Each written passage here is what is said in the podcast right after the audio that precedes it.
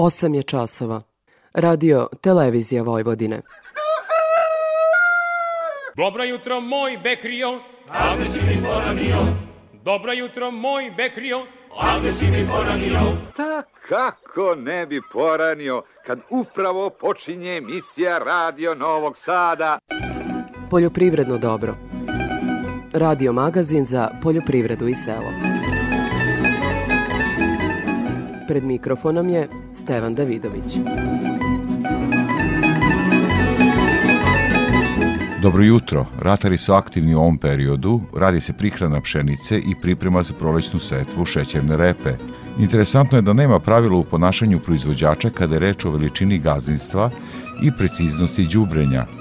I oni sa većim, kao i oni sa manjim gazdinstvima, neretko rade na pamet, upozorava profesor Branko Marinković. U ovoj emisiji. Da, interesantno je, ali recimo imam proizvođača koji ima tri njive i radi analizu i ima proizvođača koji imaju ozbiljne površine i rade analizu. Ima i proizvođača koji rade ozbiljne površine i rade na pamet đubrenje i tehnologiju.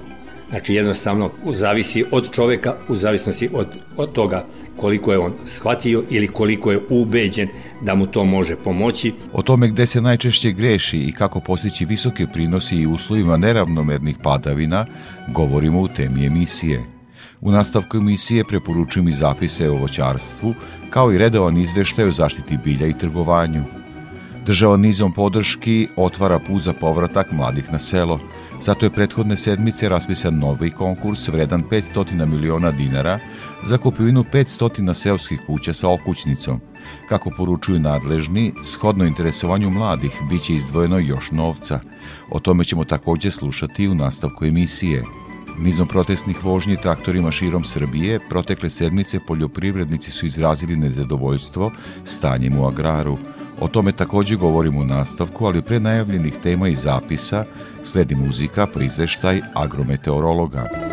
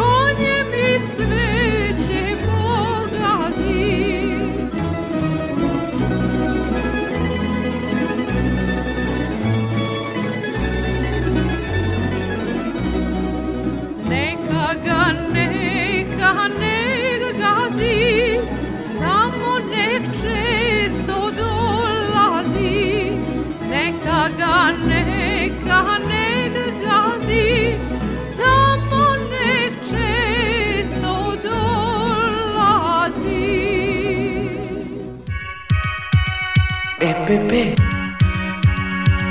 Pesticidi, đubriva, semena i još oko 2000 artikala za poljoprivredne proizvođače, uz besplatan prevoz, stručne savete i mogućnost kreditiranja. Hemoslavija, Novi Sad, Stevana Sinđelića 17, na putu za veternik. Hemoslavija 021 63 11 666. EPP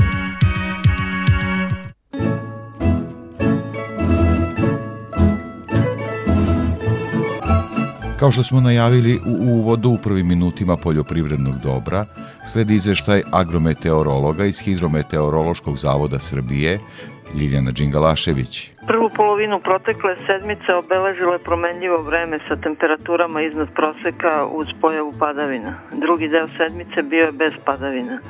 Jutarnje minimalne temperature vazduha su tokom većeg dela proteklog perioda bile iznad, a pred kraj perioda ispod proseka za ovaj deo godine, sa pojavom slabih do umerenih mrazeva. U prizemnom sloju vazduha temperature su najčešće bile od plus 5 do minus 5 stepeni, a ponegde je bilo do minus 7 stepeni. Maksimalne dnevne temperature su bile od 6 do 19 stepeni. Dnevne temperature vazduha koje su iznad proseka za ovaj deo zime za sada ne izazivaju pokretanje fizioloških procesa kod rano cvetajućih voćnih vrsta, što bi dovelo do smanjenja otpornosti na mrazeve koji su mogući u narednom periodu. Povremene padavine koje su zabeležene u protekloj sedmici održavaju povodnu vlažnost zemljišta, što će biti od značaja početkom vegetacije. Vremenski uslovi tokom proteklog perioda omogućavali su prihranu ozimih useva, rezidbu, đubrenje, zimsko prskanje i zaštitu u voćnjacima i vinogradima kao i druge pripremne radove za prolećnu setvu i sadnju. Vizualnim pregledima useva ječma i pšenice registrovano je povećanje broja biljaka sa simptomima bolesti. U usevima ječma prisutni su simptomi mrežaste pegavosti lista ječma i pepelnice žita. U usevima pšenice uočeni su simptomi sive pegavosti lista pšenice, pepelnice žita i lisne rđe. U pogledu biljnih štetočina u usevima uljane repice registrovano je prisustvo male i velike repičine pipe. Prema prognozi do ponedeljka se očekuje pretežno oblačno, vetrovito i nešto hladnije vreme od uobičajenog za ovo doba godine, mestimično sa kišom, ponegde i sa snegom. Od utorka bi u većem delu zemlje prevlađivalo umereno oblačno i suvo u jutarnjim časovima sa uslovima za pojavu slabih i umerenih mrazeva. Za Radio Novi Sad iz Republičkog hidrometeorološkog zavoda Ljiljana Đingalašević.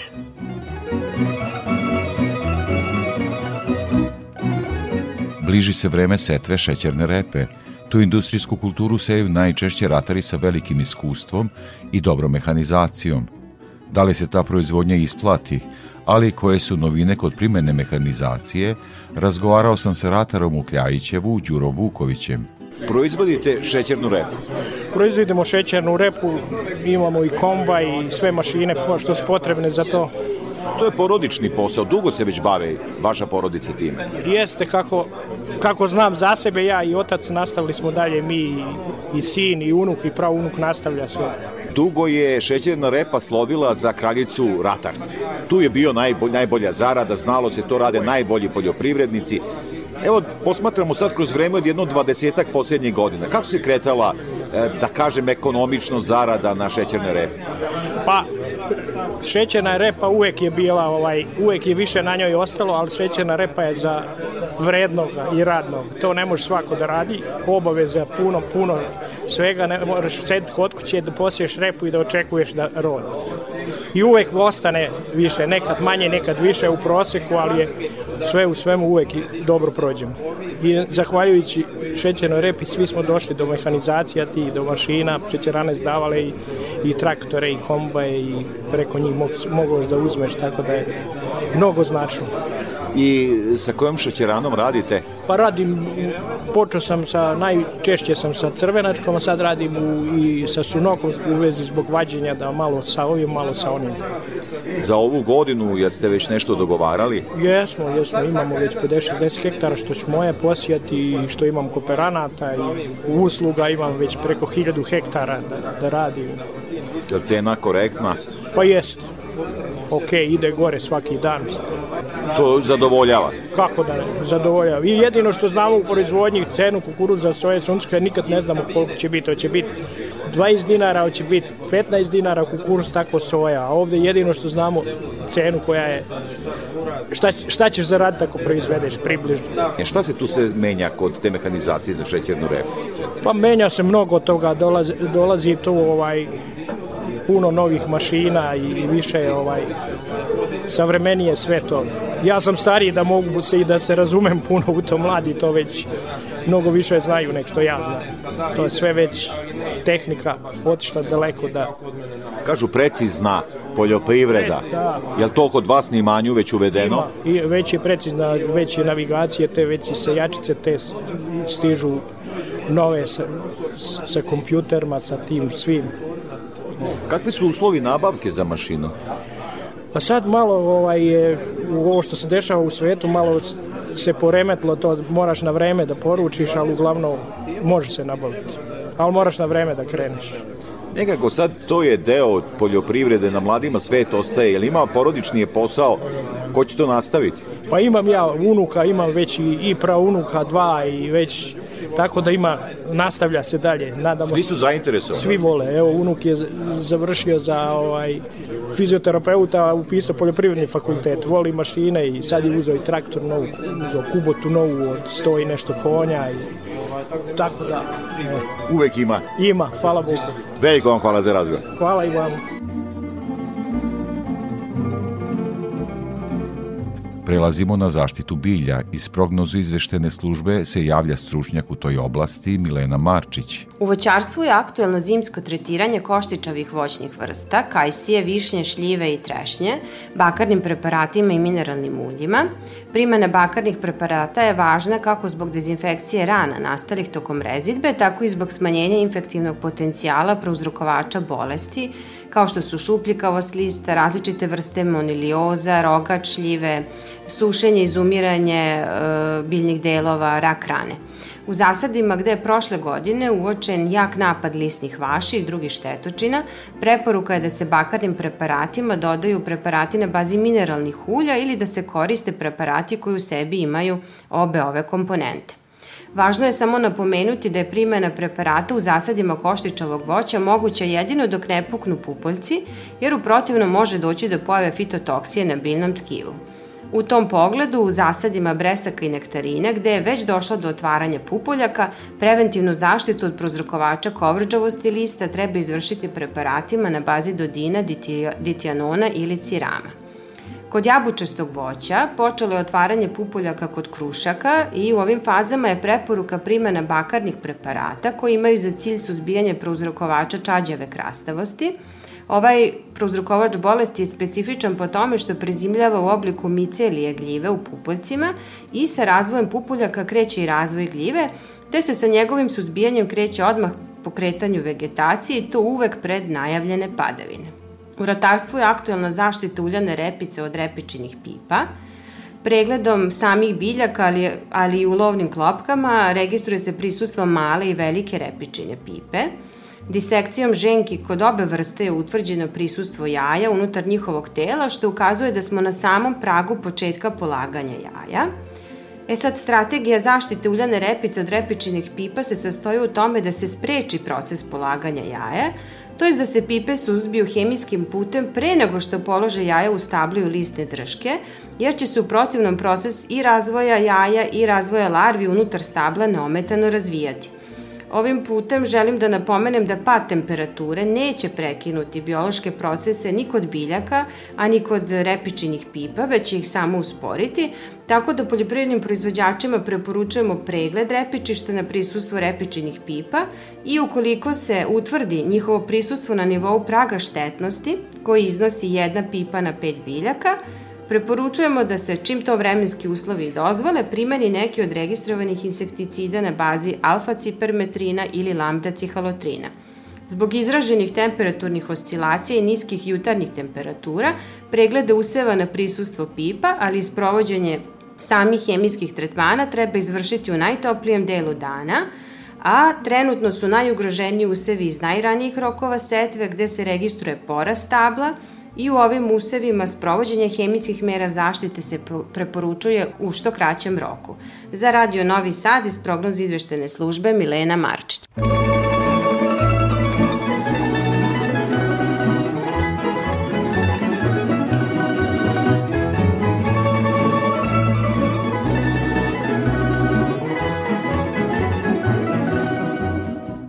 Lepo ti je u našemu svemu, njemu. Put pogledaš jednom drugom kraju, nije lepše ni u samom raju. Ej, lane moje, nije lepše ni u samom raju. Ej, lane moje, nije lepše ni u samom raju.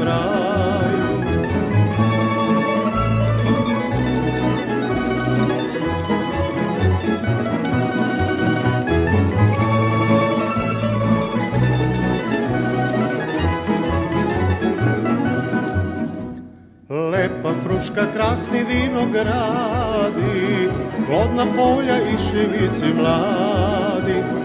Lepa sela, krasne varošice, čili momci, krasne devojčice. Ej, lane moje, čili momci, krasne devojčice. Ej, lane moje, čili momci, krasne devojčice.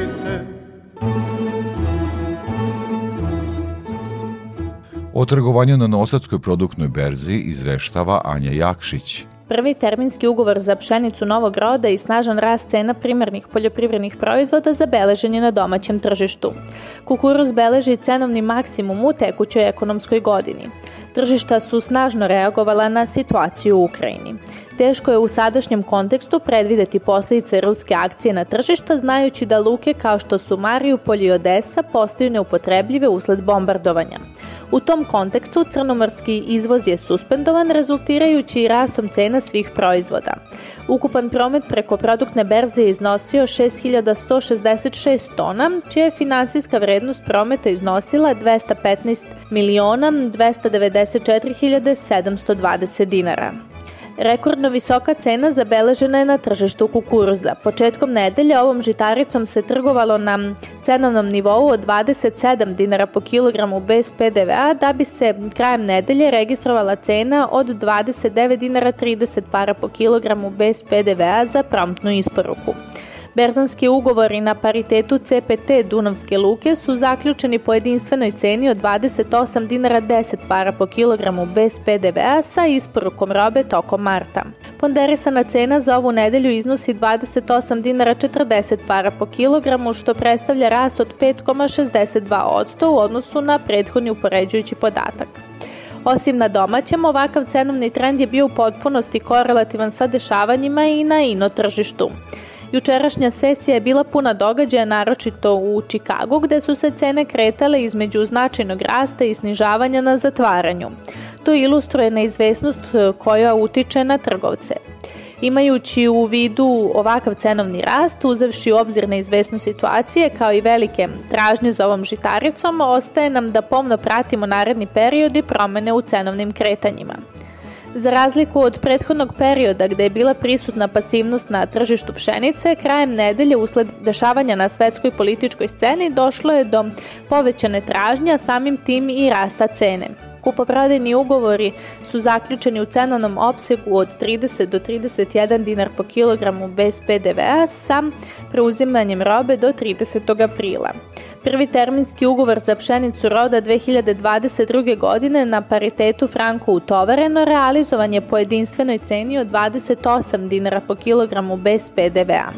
Prometovana je količina od 500 tona sa isporukom robe od 8. do 30. jula. S obzirom da je cena iznad svih očekivanja, sada je na poljoprivrednim proizvođačima da odluče da li će deo budućeg roda da prodaju. Soja nakon prošlonedeljnog izostanka iz trgovanja na robno-berzanskom tržištu beleži uzlazni trend. Tokom nedelje cena se kretala u širokom cenovnom rasponu od 75 do 78 dinara po kilogramu bez PDV-a sa izraženom tendencijom uzlaznog trenda. Trgovalo se isključivo uz obračun kvaliteta, a realizacija po 78 dinara po kilogramu je bila sa preuzimanjem robe mart, odnosno april. Poslednjeg dana ove nedelje stekao se utisak da je ponuda veća u odnosu na tražnju. Ponderisana cena je iznosila 75 dinara 97 para po kilogramu bez PDV-a, te u odnosu na prethodni podatak soja je poskupela za 1,91%. Kutinski An, pakovanje 25 kroz 1, prometovan je po ceni od 87 dinara jednu paru po kilogramu bez PDV-a, dok je Ruski An, pakovanje 900 kroz 1, prometovan po ceni od 84 dinara 8 para po kilogramu bez PDV-a na paritetu frankom isporučeno. Ugovori za Ureu su zaključeni od 89 dinara 37 para do 92 dinara 47 para po kilogramu bez PDV-a. Pad cena je zabeležen kod azotnih đubriva. Sa produktne berze Anja Jakšić. Kao i svake nedelje pratimo izveštaj o cenama sa tržišta žive stoke. Iz Infotim Logistike Gordana Jeličić. U toku ove nedelje naši saradnici su tovne svinje sa farme oglašavali po ceni od 155 do 170 dinara po kilogramu, tovljenike sa mini farme po ceni od 145 do 165 dinara po kilogramu, a tovljenike iz otkupa po ceni od 140 do 160 dinara po kilogramu. Pred sam kraj nedelje beležili smo jaše cene u ponudi i dogovori za iduću nedelju za utovare su beležili jače nivoje cena. To se dešava zbog slabe operativnosti robe na terenu. Ponuda jagnjadi je oglašena je po ceni od 350 do 380 dinara po kilogramu, a ovce za klanje su nuđene po ceni od 150 do 160 dinara po kilogramu. Ponuđači su pokušavali da oglase svoju robu u ovom rasponu cena, ali još uvek nemamo potvrdu šta je na terenu dogovarano. U toku nedelje prasaca farme oglašene su u rasponu cena od 260 do 300 dinara po kilogramu, prasaca mini farme po ceni od 230 do 275 dinara po kilogramu, a prasad iz otkupa po ceni od 220 do 265 dinara po kilogramu. Trend je rasta cena u ponudi. Ponude bikova Holstein oglašena je po ceni od 290 do 300 dinara po kilogramu, a bikova simentalaca po ceni od 305 do 320 dinara po kilogramu. Uočava se jači nivo cena u oglasima i veće interesovanje od strane kupaca. Cene su izražene bez PDV-a. Za Radio Novi Sad, Gordana Jeličić iz Infotim Logistike.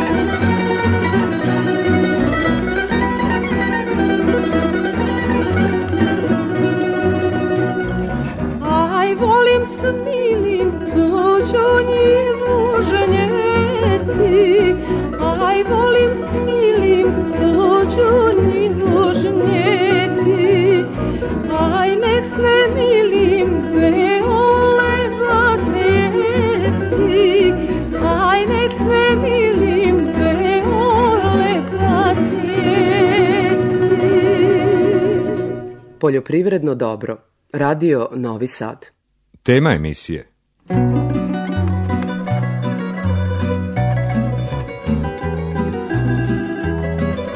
U temi emisije govorimo o aktuelnim radovima u ratarstvu.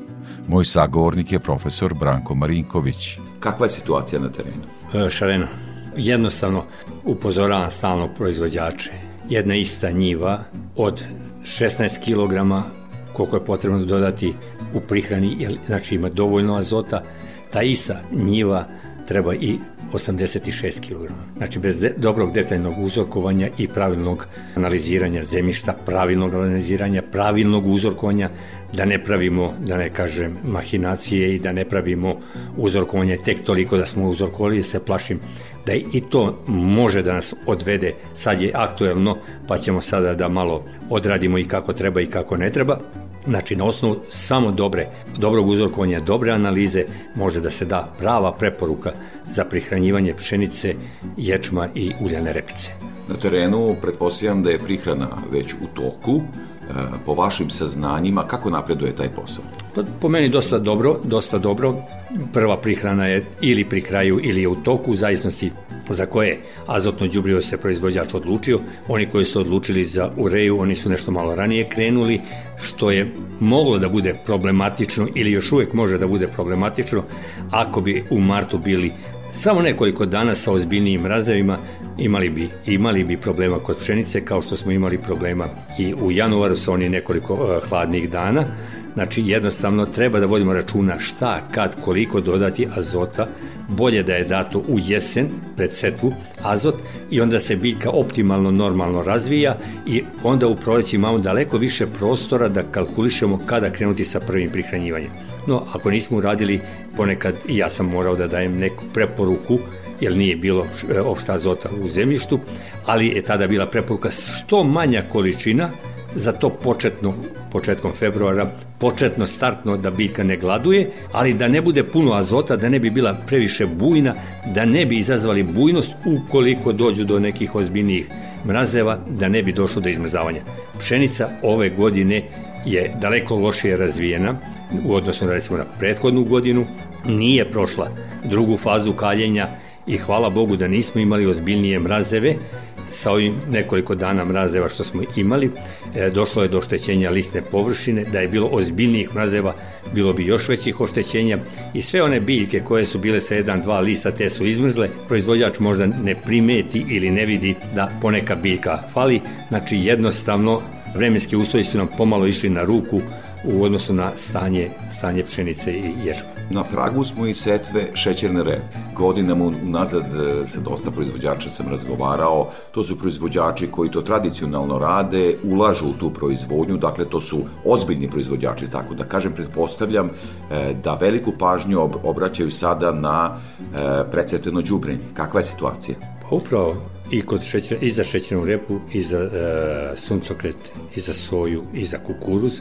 Treba uzeti analizu zemljišta, na, da se ispita sadržaj lako pristupačnog azota, na taj način se vidi vlaga, kako je stanje vlažnosti zemljišta, kako je stanje e, rasporeda azota i na osnovu tih parametara može se da preporuka đubrenja i da se da preporuka optimalne gustine za setvu u proleće. I jedno i drugo su vrlo bitni za pravilna, pravilnu ishranu biljaka. Ono što je opet interesantno, bilo je padavina ovakva ili onakva je zima, nije tačno. Bitno je koliko je u toku leta na kojoj parceli gde je palo, koliko je u toku leta i u toku jeseni prošle godine, koji je predusev, koliko je predusev potrošio vlage. Velika šarolikost i po meni jednostavno proizvođači tu gde nema vlage i kod pšenice sam isto preporučivao da ne idu na neke vrhunske prinose, bolje ići na neki, nešto niži prinos, jer nema vlage, puno se onda zavisi od vremenskih uslova u toku vegetacije kod jarih useva, tako da, znači, jednostavno samo svi parametri koji su nam potrebni, ako imamo, možemo da damo zaista pravu preporuku tehnologije gajenja. Sve drugo je pomalo na pamet, pa možda i prođe, recimo kod šećerne repe, imam e, parcela gde je potrebno dodati 32 kg azota, a ima parcela gde je potrebno dodati 160 kg azota.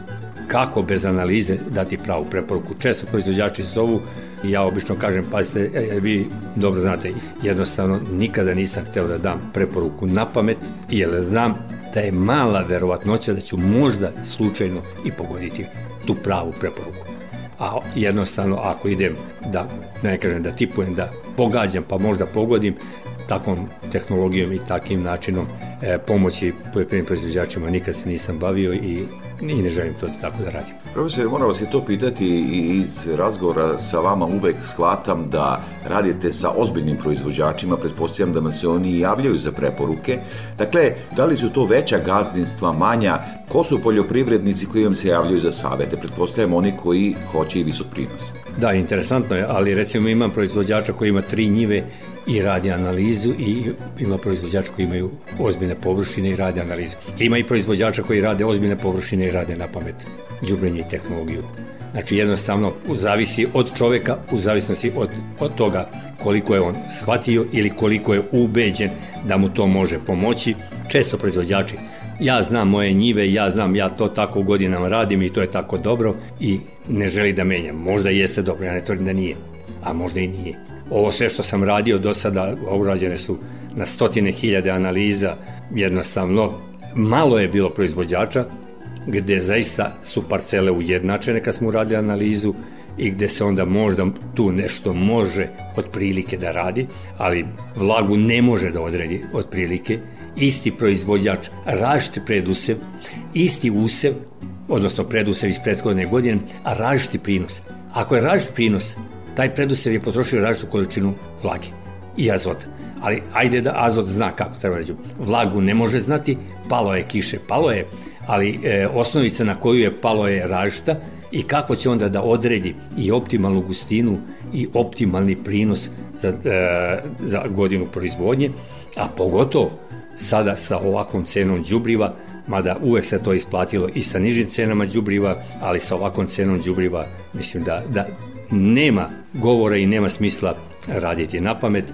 Ja sam i neki dan držao jedno predavanje opet studentima e, na mašinskoj školi u Sibiru. Jednostavno, svi shvataju da moramo da prihvatimo nove tehnologije da bi išli napred, da na osnovu parametara koje možemo imati damo pravu preporuku, ne na osnovu ubeđenja i shvatanja. Tačno je, radilo se nekad na osnovu ubeđenja i shvatanja, ali to je bio prinos 4-5 tona pšenice po hektaru, to je bio 7, to je već bio vrhunski prinos. Sada ispod 8-9, pitanje je ispod 7, da li je ekonomski isplativa proizvodnja.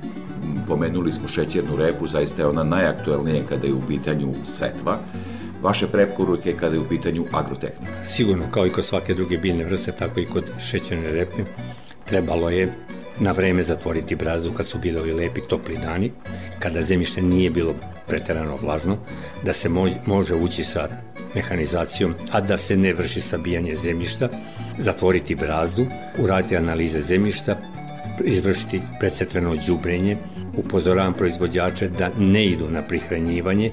Mislim da kod šećerne repe to skoro više se i ne radi, ali kod e, kukuruza i nekih drugih biljnih vrsta jarih, kod ozimih se ide sa prihranjivanjem. Ide se na prihranjivanje, znači kod šećerne repe nikako ići sa prihranjivanjem. Normalna stvar posejati u zavisnosti od vlage i od e, rasporeda azota, posejati op optimalnu gustinu, uraditi jedno do dva međuredna kultiviranja koja će sigurno dati ekonomski opravdane rezultate, borba protiv bolesti, crkospore koja nam sada ovih nekoliko godina zadnjih sve manje pravi problema, da bilo je godina kad nam je zaista pravila ogromne muke i probleme, voditi računa u borbi protiv korova, primjene herbicida, upozoravam i molim poljoprivredne proizvođače da idu na najmanje potrebnu količinu hemijskih sredstava kako bi sačuvali zemljište. I ono što bi zaista želeo da upozorim, ove godine uzorkovanjem zemljišta na lako pristupačni azot do 90 cm, mislim da smo imali samo kod dva proizvođača optimalno zbijenost u najvećem broju slučajeva jedva smo probijali sloj 60-90 cm da bi na jednom mestu kod jednog proizvođača potpuno izbacili sondu iz ekcentra, odnosno iz njene ose, napravili ekcentar sonde koliko je tvrdo. Ne može se tu koren razvijati. Ne može se tu akumulirati vlaga koja treba da obezbedi e, biljci u toku leta kada nema padavina optimalnu obezbeđenost sa vlagom i optimalnu mineralizaciju. Kako to rešiti taj plužni džon, odnosno tu sabijenost na određenom sloju? To je sada stvar ili vrteška oko koje ćemo jako teško se rešiti. To je 50, 60, 70 cm. Ima proizvođača koji rade podrivanje na 60 cm. Izbaciti obavezno kod obrade, kod oranja, izbaciti traktor iz, iz brazde, da on, sad navigacija može da drži pravac, da traktor ide izvan brazde, da ne ulazi u brazu, da ne sabijamo zemljište i normalna stvar, moramo ozbiljno da vidimo. Jednom proizvođaču sam rekao, jako je zbijeno, zaista je, zaista je problematično Kaže, ja podrivam. Na koju dubinu? Kaže, 30, 32, 3 cm. To nije podrivanje. Ako hoćemo ozbiljno podrivanje, podrivanje je na 60-70 cm, jer tu su nam problemi. Nažalost, napravili smo ih. Nažalost, ćemo ih sada ispravljati. Nažalost, uništili smo humus. Nažalost, nemamo humusa, nemamo efikasnost letnjih padavina. Imamo mi padavina, ali one nisu efikasne. To su sad stvari koje su se sporo dešavale, ali će se još sporije ispravljati. Ako krenemo danas, ispravit ćemo ih za neki period, a ako krenemo za 10 godina, još 10 godina ćemo gubiti prinos, pa ćemo tek onda početi da rešavamo probleme, znači jednostavno voditi, voditi računa šta i kako, kako raditi. Više puta ste spomenuli mehanizacija, koliko je bitno e, nju pravilno koristiti, ne sabijati, tu jedna, dve preporuke oko mehanizacije. Pa u svakom slučaju, mada ajde, taj, taj deo bi trebali više da kažu mehanizatori, ali zaista sa stanovišta zemljišta, mehanizacija mora da uđe i ulazi što je veća mehanizacija sve manje ljudskog rada, što je veća mehanizacija ona je sve teža, sve više vrši sabijanje zemljišta, ono što sam rekao kod oranja, ne ići u dno braze, ali to ne znači da se ne ore. Redukovani sistemi obrade, bilo bez obzira koji, i klasična obrada treba da budu sistem da se smenjuju jedno i drugo i jedno i drugo ima prednosti i nedostataka. Nemojmo, sad ćemo mi redukovanom obradom, napravit ćemo redukovanom obradom problema sa kojima ćemo muku mučiti šta i kako rešiti. Znači jednostavno voditi računa koji je pritisak u pneumaticima kod mehanizacije. Tačno je, veliki e, Holmer ide i vadi šećernu repu i nosi je sa sobom, ali ogromno široki pneumatici, pritisak u pneumaticima oko jednog bara, i kada je jako vlažno zemljište, on spakne točkove, ide zečijim hodom i potpuno svaki točak ide odvojeno, nema gaženje jedan za drugim. Kad vi uđete sa pneumatikom e, uskim, recimo kod prikolica, sa 7,5 bara, to je sabijanje i u leto kada se kombajnira pšenica. Pa vozamo se sa prikolicama da bi postigli efikasnost kombajna, vozamo se sa prikolicama po njivama. Moramo neke stvari da shvatimo da to tako ne ide. Prikolice ili kamionske ili traktorske moraju biti na polju, kombajn neka stane, neka iskipuje i neka nastavi da radi. Ne, ne postižemo mi to što mislimo da postižemo ako pratimo kombajn i kipuje u hodu, kao eto sad smo mi postigli neku efikasnost. Postigli smo mnogo više problema nego što smo postigli rezultata. Profesor Branko Marinković, veliko hvala za ovaj razgovor i savet. Nema na čem, vrlo rado ako mogu šta da pomognem proizvođačima, mada mnogi kažu da ja samo tražim gde su greške, pa upravo to mi je cilj da proizvođačima skrenem pažnju na greške koje prave.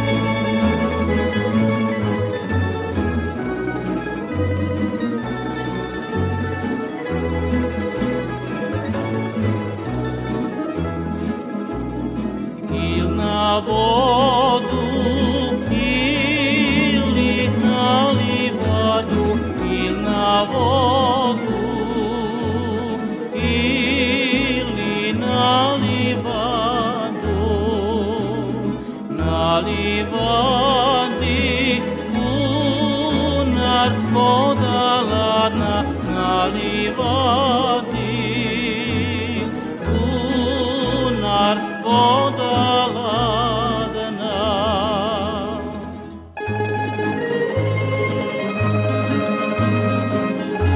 Topola je voćarski kraj, pa je uveliko krenula i rezidba u zasadima – Zbog povećanih površina pod voćem, ali i malog broja ljudi koji to rade, javlja se i problem u manjku rezača, pa su procjene da će ova mera trajati do sredine aprila. Ana Rebić, U voćnjacima širom Topole obavlja se rezidba koja je i obavezna mera kako biste dobili redovni i stabilni prinosi. Velike površine pod voćem u ovom delu Šumadije zahtevaju i veliki broj ljudi koji obavljaju rezidbu, a Milan Milivojević, voćar iz Vinče, profesionalnu rezidbu obavlja već 35 godina. Ima, ali malo. Fali. Zbog čega fali? Pa fali, ima mnogo rezidbe. Ima mnogo voća. Znaju mlađi da rade?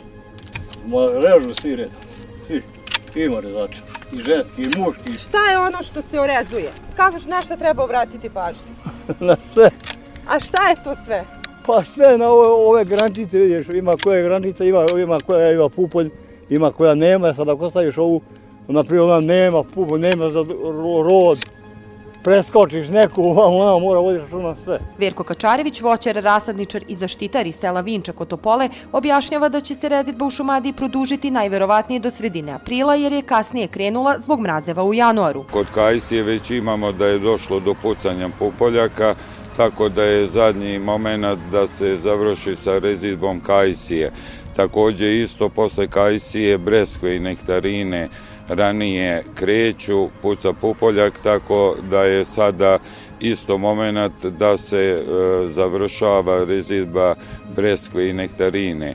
Što se tiče trešanja i višanja i šljiva, imamo još period od tri nedelje gde je poželjno obaviti rezidbu, dokle što se tiče jabučastog voća, jabuka se može ovaj, rezati narednih mesec dana sve do 1. aprila. Nakon rezidbe neophodno je obaviti i agrotehničke mere zaštite kako bi se sprečio ulazak bakterija na presecima grana, objašnjava Verko Kačarević. Kada se obavlja rezidba, znači prave se preseci otvorene rane koje su potencijalna mesta ulazaka određenih fitopatogenih e, gljiva i bakterija. Tako da je poželjno da se posle rezidbe obavi tretman sa bakarnim preparatima koji vrše dezinfekciju celokupnog stabla, takođe i štite te preseke da nisu ulazna mesta za ove patogene. Takođe je poželjno ovaj znači odmah kod koštičnog voća ovaj posle rezidbe obaviti ovaj tretman, a imajući u vidu činjenicu da dugo nisu primenjivana mineralna ulja, poželjno je u šljivi naročito i zbog grinja, a takođe i zbog određene pojave štitastih vašiju, kako i kod trešanja i višanja, uz bakarne preparate dodati i mineralna ulja. Zbog povećanih površina pod voćem u Šumadiji javlja se i deficit ljudi koji obavljaju rezidbu, a dosta njih se nalazi i u starijim godinama, pa je neophodno obučiti i mlađe kadrove kako bi se ova mera završila u optimalnom roku.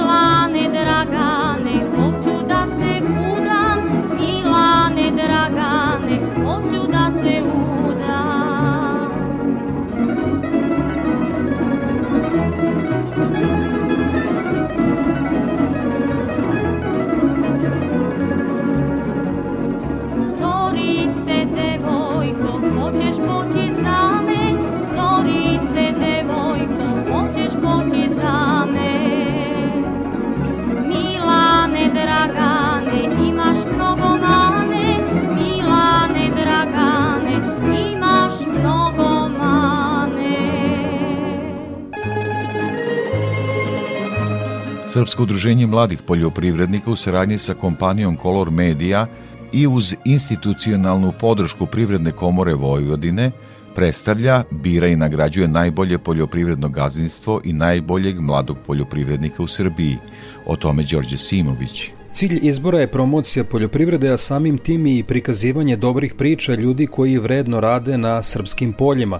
Konkurs je otvoren do 30. marta, a zainteresovani mogu da se prijave na internet sajtu na adresi najboljegazdinstvo.rs. Sekretar Srpskog udruženja mladih poljoprivrednika Aleksandar Milovanović kaže da će poljoprivrednici biti rangirani na osnovu jasnih kriterijuma. Prvih 15 e, poljoprivrednika će žiri zajedno sa nama organizatorima obići na teren da vidimo da li zaista su ti podaci istiniti, da li ta gazdinstva zaista postoje. Nakon obilaženja gazdinstva snimit će se promotivni filmovi koje ćemo mi kroz društvene mreže ovaj, prikazivati ovaj, javnosti i sve će se to sprovoditi do meseca septembra. U septembru će najbolje biti nagrađeni. Milovanović kaže da će prva tri gazdinstva dobiti po 500.000, 300.000 i 200.000 dinara, a najbolji poljoprivrednik 300.000 dinara.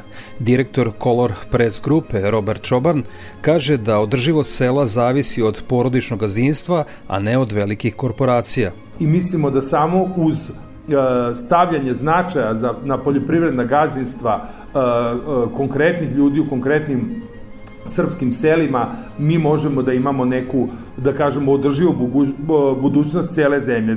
Pravo na učešće za izbor najboljeg poljoprivrednog gazdinstva imaju svi registrovani poljoprivrednici koji imaju aktivan status, a pravo na izbor najboljeg mladog poljoprivrednika imaju svi registrovani poljoprivrednici koji su u aktivnom statusu i u trenutku konkurisanja imaju manje od 40 godina. Budžet za ovaj konkurs obezbedile su kompanije koje podržavaju održiv razvoj sela.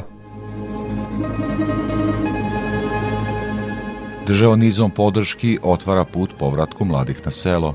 Zato je prethodne sedmice raspisan novi konkurs vredan 500 miliona dinara za kupovinu 500 seoskih kuća sa okućnicom. Kako poručuju nadležni, shodno interesovanju mladih, bit će izdvojeno još novca – Od pola milijarde dinara koliko je Ministarstvo za brigu o selu namenilo za konkurs, maksimalan iznos za jednu nekretninu je milion dvestotine hiljada dinara, kako kaže resorni ministar Milan Krkobabić, ako interesovanje mladih premaši ukupan planirani iznos, bit će još novca za tu namenu. Računamo da će blizu 500 kuća biti u opticaju i da ćemo 500 porodica uspeti da zbrinemo onoliko koliko bude zahteva, onoliko koliko bude stvarnog interesovanja mladih ljudi da dobiju kuće, na isti način država Srbija će odgovoriti svojom spremnošću da izdvaja dodatna sredstva. Da je i prošlogodišnji konkurs za dodelu kuća na selu izazvao veliko interesovanje mladih, potvrdio nam i član nacionalnog tima za preporod sela Branislav Guland kupljena je 651 kuća sa okućicom u stotinu jedinica lokalnih samuprava, pa je ovaj dom na selu dobilo 515 bračnih i vanbračnih parova, 81 mladi poljoprivrednik i 55 samohranih roditelja. Najveće interesovanje do sada je bilo u Bačkoj Palanci, Apatinu, Kikindi, Kuli, Soboru, a na jugu Srbije u Pirotu, Aleksiću, Dimitrovgradu i Svilajncu. Rok za podnošenje prijave po konkursu za kupovinu seoske kuće sa okućnicom je 1. novembar. Pravo učešće na konkursu imaju supružnici ili vanbračni partneri, samohrani roditelji i mladi poljoprivrednici koji ispunjavaju uslove za učešće, objavljene na internet stranici Ministarstva za brigu o selu.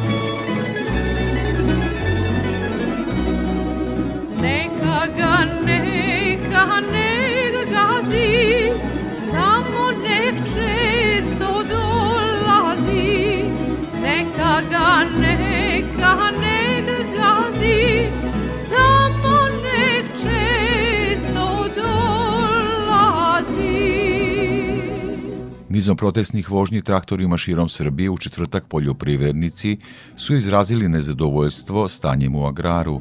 U Srbobranu je sa paorima bio Đorđe Simović.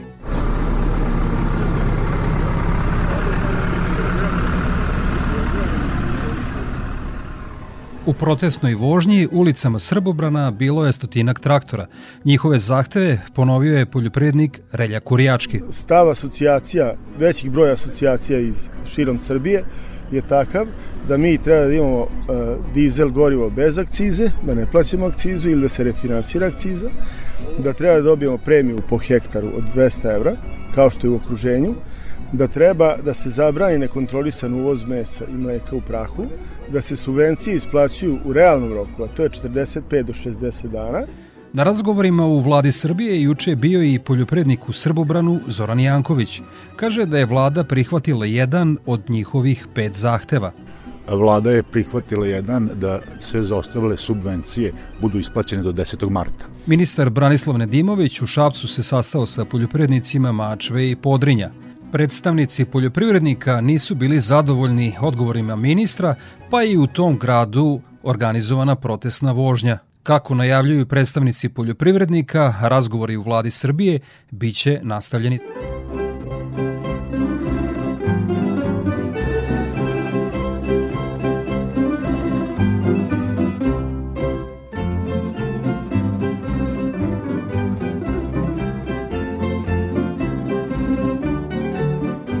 Pred krajem emisije još jednom prognoza za narednu sedmicu. Iz Hidrometeorološkog zavoda Srbije Ljiljana Đingalašević. Prema prognozi do ponedeljka se očekuje pretežno oblačno, vetrovito i nešto hladnije vreme od uobičajenog za ovo doba godine, mestimično sa kišom, ponegde i sa snegom. Od utorka bi u većem delu zemlje prevlađivalo umereno oblačno i suvo u jutarnjim časovima sa uslovima za pojavu slabih i umerenih mrazeva. EPP pesticidi, đubriva, semena i još oko 2000 artikala za poljoprivredne proizvođače, uz besplatan prevoz, stručne savete i mogućnost kreditiranja. Hemoslavija, Novi Sad, Stevana Sinđelića 17, na putu za veternik. Hemoslavija 021 63 11 666. EPP